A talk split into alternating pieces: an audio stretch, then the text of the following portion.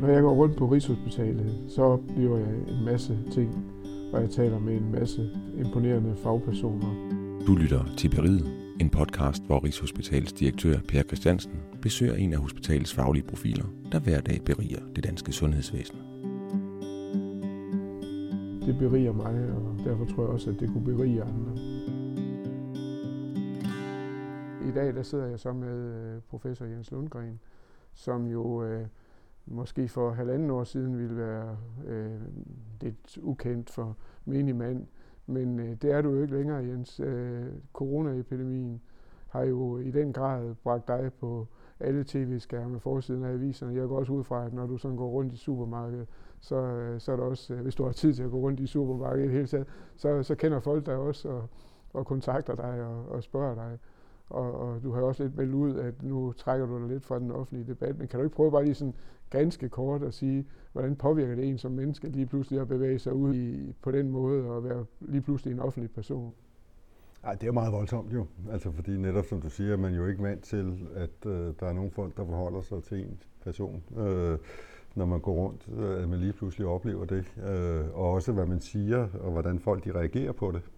Øh, det man siger, og prøver at behjælpelige med at informere befolkningen. Øh, og der er nogen, der ligesom synes, at det har de stor glæde af, og udtrykker det, og det er jo perfekt. Øh, og der er andre, der også føler måske deres egen frustration, at de afspejler den over i det må også, der har været på være ude og kommunikere omkring øh, og analysere på situationen. Så det kan også blive meget voldsomt, øh, må jeg sige. Øh, så øh, min rolle i den her øh, forbindelse det halvandet år, det var jo at prøve at få forklaret, analyseret, hvordan en talt foregik omkring en situation, som der var meget få mennesker, som der kunne forholde sig til på forhånd og havde kendskab til.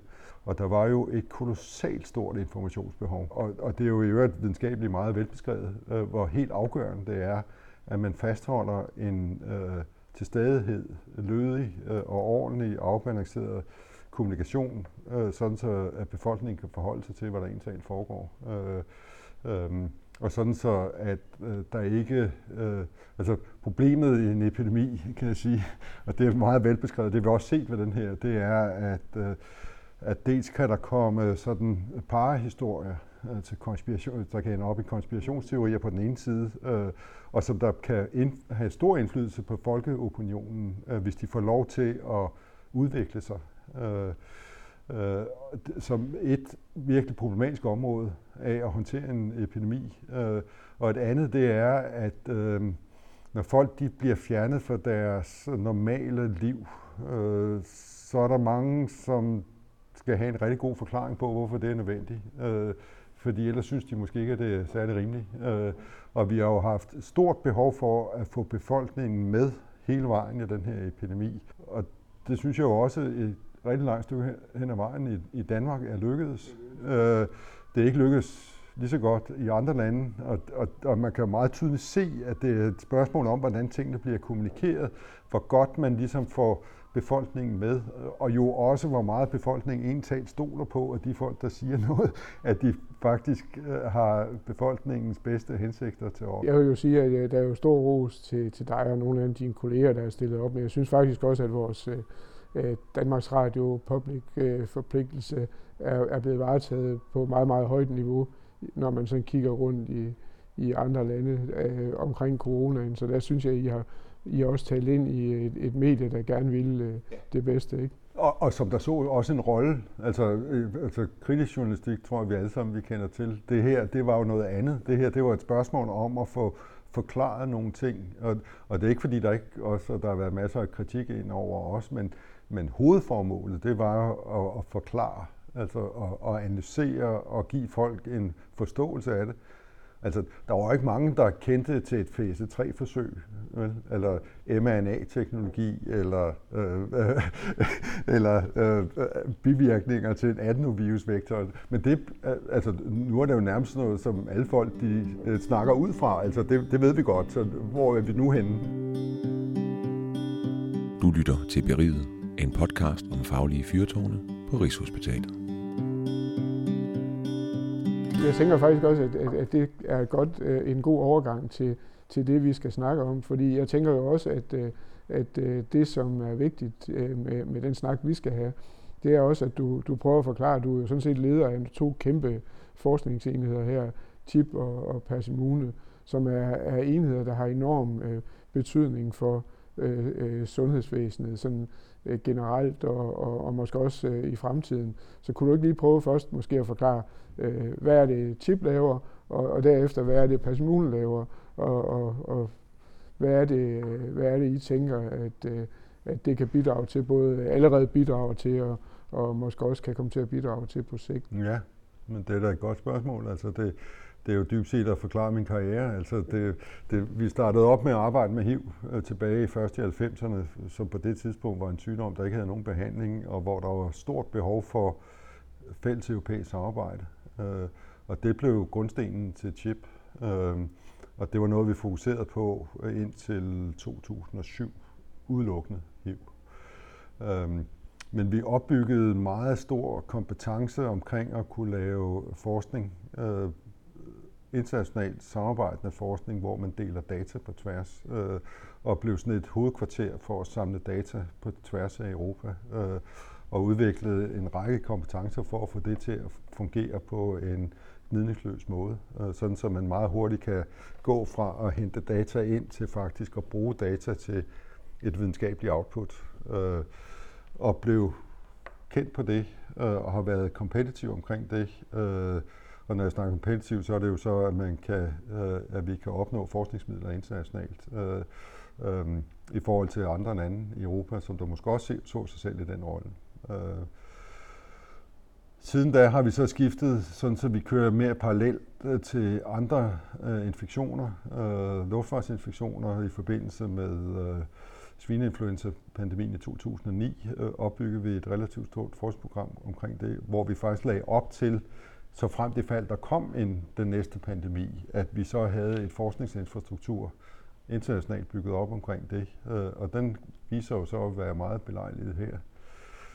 Øhm, og så blev der så lagt yderligere ovenpå øh, i forbindelse med, at øh, jeg blev professor herinde på Rigshospitalet, at øh, og hvor vi kunne se, at noget af den viden, vi havde inden for HIV, øh, øh, både den faglige viden, men også den mere metodemæssige, at kunne samle data ind og ligesom bidrage øh, til at få gjort nogle ting bedre og smartere, øh, som vi havde udviklet gennem årene, det kunne man faktisk godt bruge. Øh, og havde fokus i første omgang på transplantationspatienter, som faktisk i hvad angår deres infektioner, jo meget minder om en ubehandlet HIV-patient. Altså det er jo det, jeg synes, er rigtig spændende med jeres projekt, det er, hvordan, lige, hvordan fanden er det, at sådan to vidt forskellige ting, de ja. kommer til at minde ja. så meget om hinanden. Men det er, der er rigtig stor overlap, og der er rigtig stor synergi i forståelse af, dels hvem er det, der bliver syge, fordi det der er pointen, øh, og det helt grundlæggende, og nu skal jeg godt komme til plads muligt om et øjeblik, men,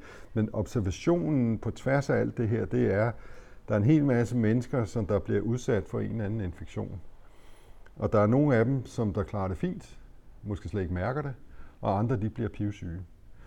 Hvordan kan det være? Det er sådan set det grundlæggende. Vi kan se det inden for HIV, vi kan se det inden for influenza, øh, sjovt nok også inden for SARS-CoV-2. Fuldstændig samme billede. Nogle mærker det overhovedet ikke, og andre bliver alvorligt syge. Der er noget af det, vi godt forstår, fordi vi ved, at alder betyder noget. Sådan nogle relativt grove parametre. Men hvis vi kan begynde at forstå, hvorfor at kroppen hos nogen er i stand til at overkomme en infektion, og andre øh, ikke er det, øh, så begynder vi jo lige pludselig at få indsigt i, hvordan vores krop fungerer, øh, og på den måde kan anvise helt nye veje for at forebygge, øh, monitorere og behandle øh, patienter. Øh, og det var det, der var anstødstenen til øh, omkring øh, de transplanterede, fordi der kan man sige, hvorfor lige dem? Jamen det er jo fordi, øh, de har en infektionsproblematik, fordi det man med bevidst, helt bevidst prøver at trykke deres immunsystem for at undgå, at immunsystemet angriber den, det organ, man har puttet ind i, i fond, som jo er helt pointen med en transplantation.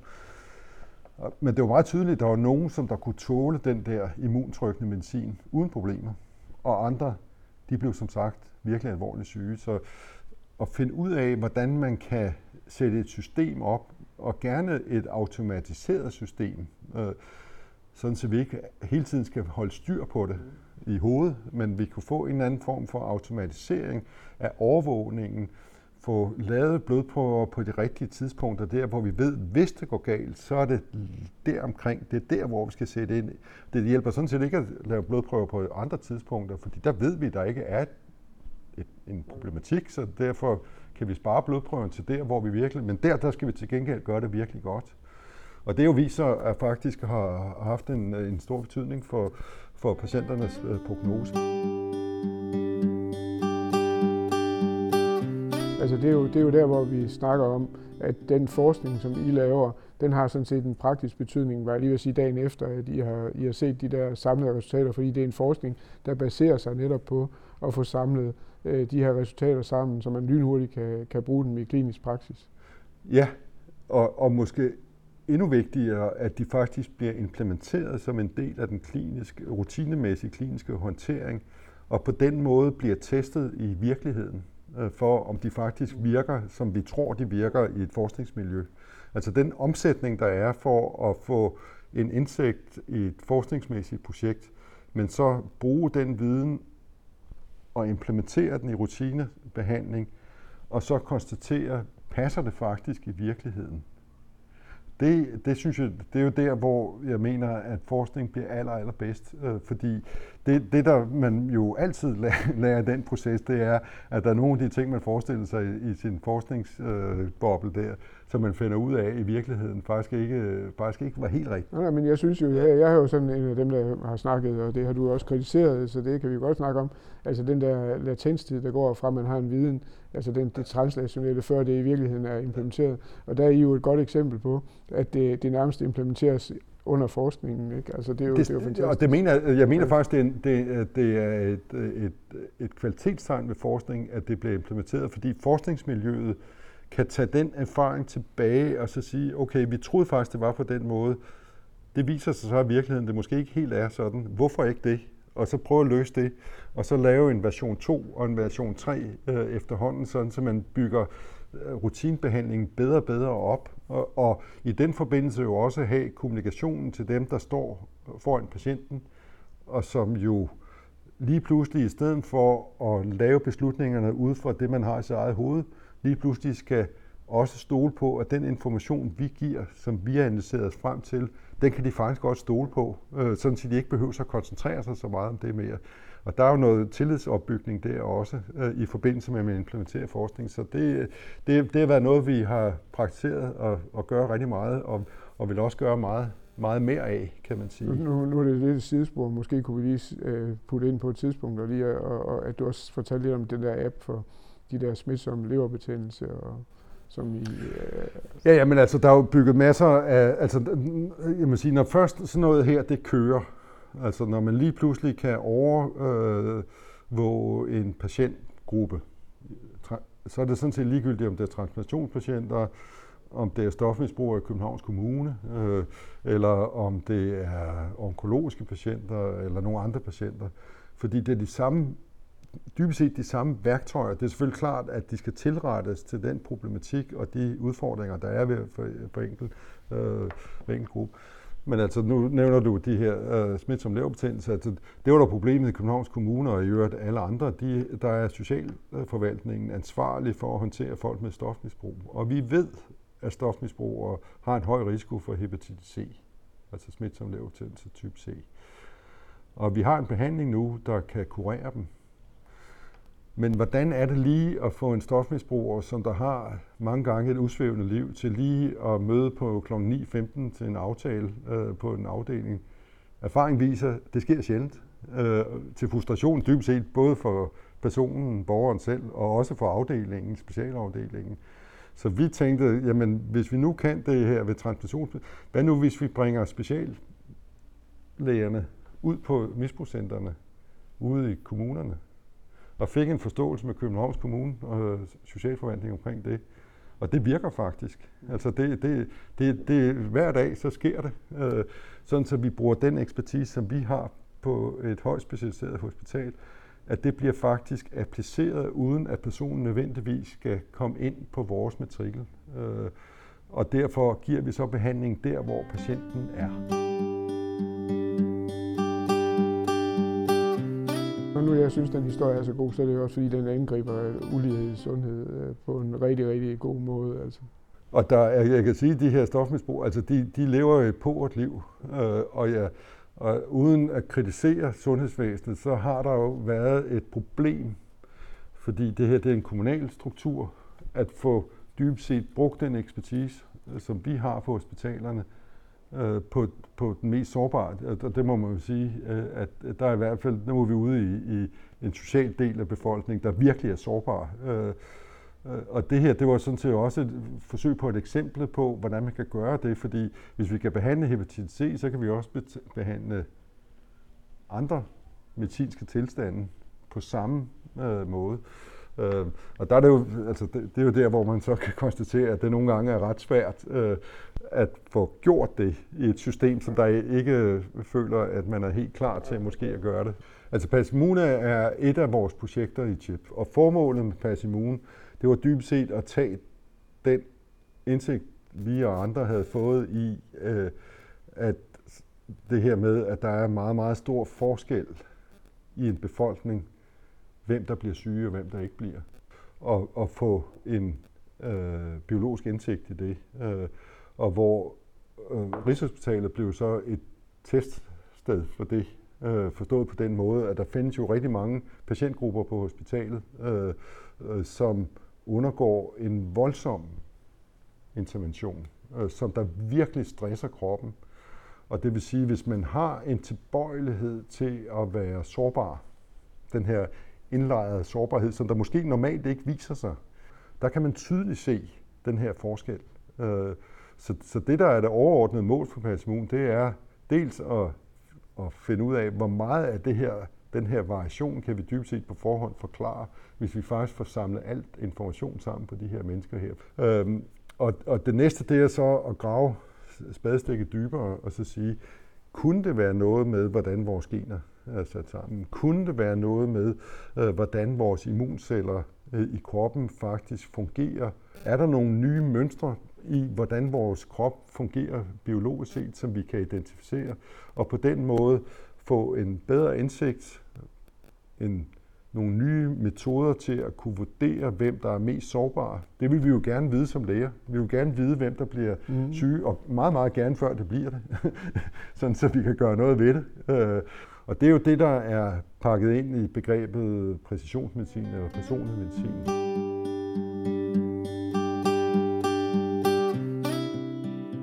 Øh, nu, nu arbejder du ind i det her felt med personlig medicin og, og, og, og spændende verden. Men hvor er den verden om 10 år? Hvad er det så for nogle patienter, vi kan hjælpe, som vi ikke kan hjælpe i dag? kunstig intelligens bliver stadigvæk et talsat som et, et, et, et fænomen, der kommer til at præge fremtiden, men ikke nutiden. Jeg mener, vi allerede gør det, og for mig at se, at det her en, en, en glidende stigning, at der bliver mere og mere øh, som der bliver håndteret ved en eller anden form for datatransformation i vores almindelige kliniske håndtering. Der er nogle ting, som der er meget nemt at gøre, og derfor man kan gøre med det samme. Og der er andre ting, som der kræver en udvikling. Øh, men altså, hvis du er 10-årig periode, øh, står vi et helt andet sted. Øh, helt, helt andet sted. Øh, og det, jeg tror, man som, som dansker og som direktør på Rigshospitalet skal træffe beslutninger om, det er, vil man, vil man være med i den proces med at udvikle det her område. Det kræver, at man får al den information, der er tilgængelig, samlet sammen, sådan så man kan bruge de her analyseværktøjer, som vi jo kan i landet her, og som mange andre lande er jo også evig misundelige over, at vi kan. Øh, eller skal vi dybest set vente på, at nogle andre de udvikler noget, som vi så går hen og, og, og tester på vores data? Øh, og, jeg, og det ene er jo ikke, udelukker ikke det andet. Øh, men, men jeg vil, altså, vi har nogle unikke muligheder, som vi kan blive betydeligt bedre til at udnytte. Jeg tror da også, at altså, i virkeligheden, så kan man sige, at pandemien har også vist, at i hvert fald øh, har vi nogle fantastiske IT-folk til at sikre, at de der public service øh, tjenester øh, omkring vaccinationer og test og sådan noget, at det, det spiller, øh, ja, altså det spiller, det altså. spiller virkelig, virkelig godt. Ikke? Og kunne vi smide dem ind i, i det her felt, ja. så har vi også en, en kæmpe intelligensreserve ja. liggende ja, der på det, det datafelt. Ja, ja det er rigtig godt øh, parallel. Øh, altså det, og, og på en eller anden måde, så det, det, det reflekterer alt sammen den oprindelige vision om at digitalisere landet. Altså det, det er jo den, vi virkelig får, får mulighed. Den har vi virkelig brugt her den sidste halvandet år. Øh, øh, så, og, øh, og det skal vi bare blive ved med, øh, fordi det tror, jeg, det tror jeg, vi står os bedst ved. Og jeg tror faktisk, vi kan tilbyde rigtig meget, som også øh, øh, institutioner, forskningsinstitutioner og hospitaler i udlandet vil, øh, vil bruge. Øh, fordi vi faktisk har nogle muligheder. Og, og gøre det tiltrækkende også for dem at komme her. Nu har vi jo i virkeligheden øh, muligheden for at i talsætte det, fordi at øh, jeg plejer altid at slutte de her snakke med at sige, hvad er dit ønske til direktionen? Og nu er du jo sådan godt på vej. Ja, altså det, altså det, hvis, jeg, hvis jeg må, må jeg få to ønsker? Ja, det er okay. Hvad er det dig?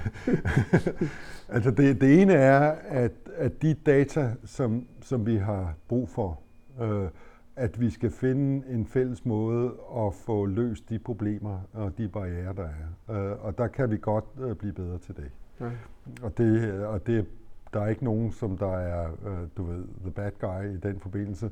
Jeg tror bare, at det skal løses øh, på en mere hensigtsmæssig måde. Øhm, de barriere, der er i øjeblikket, er, at vi ikke på en øh, smidig måde kan få data ud af sundhedsplatformen.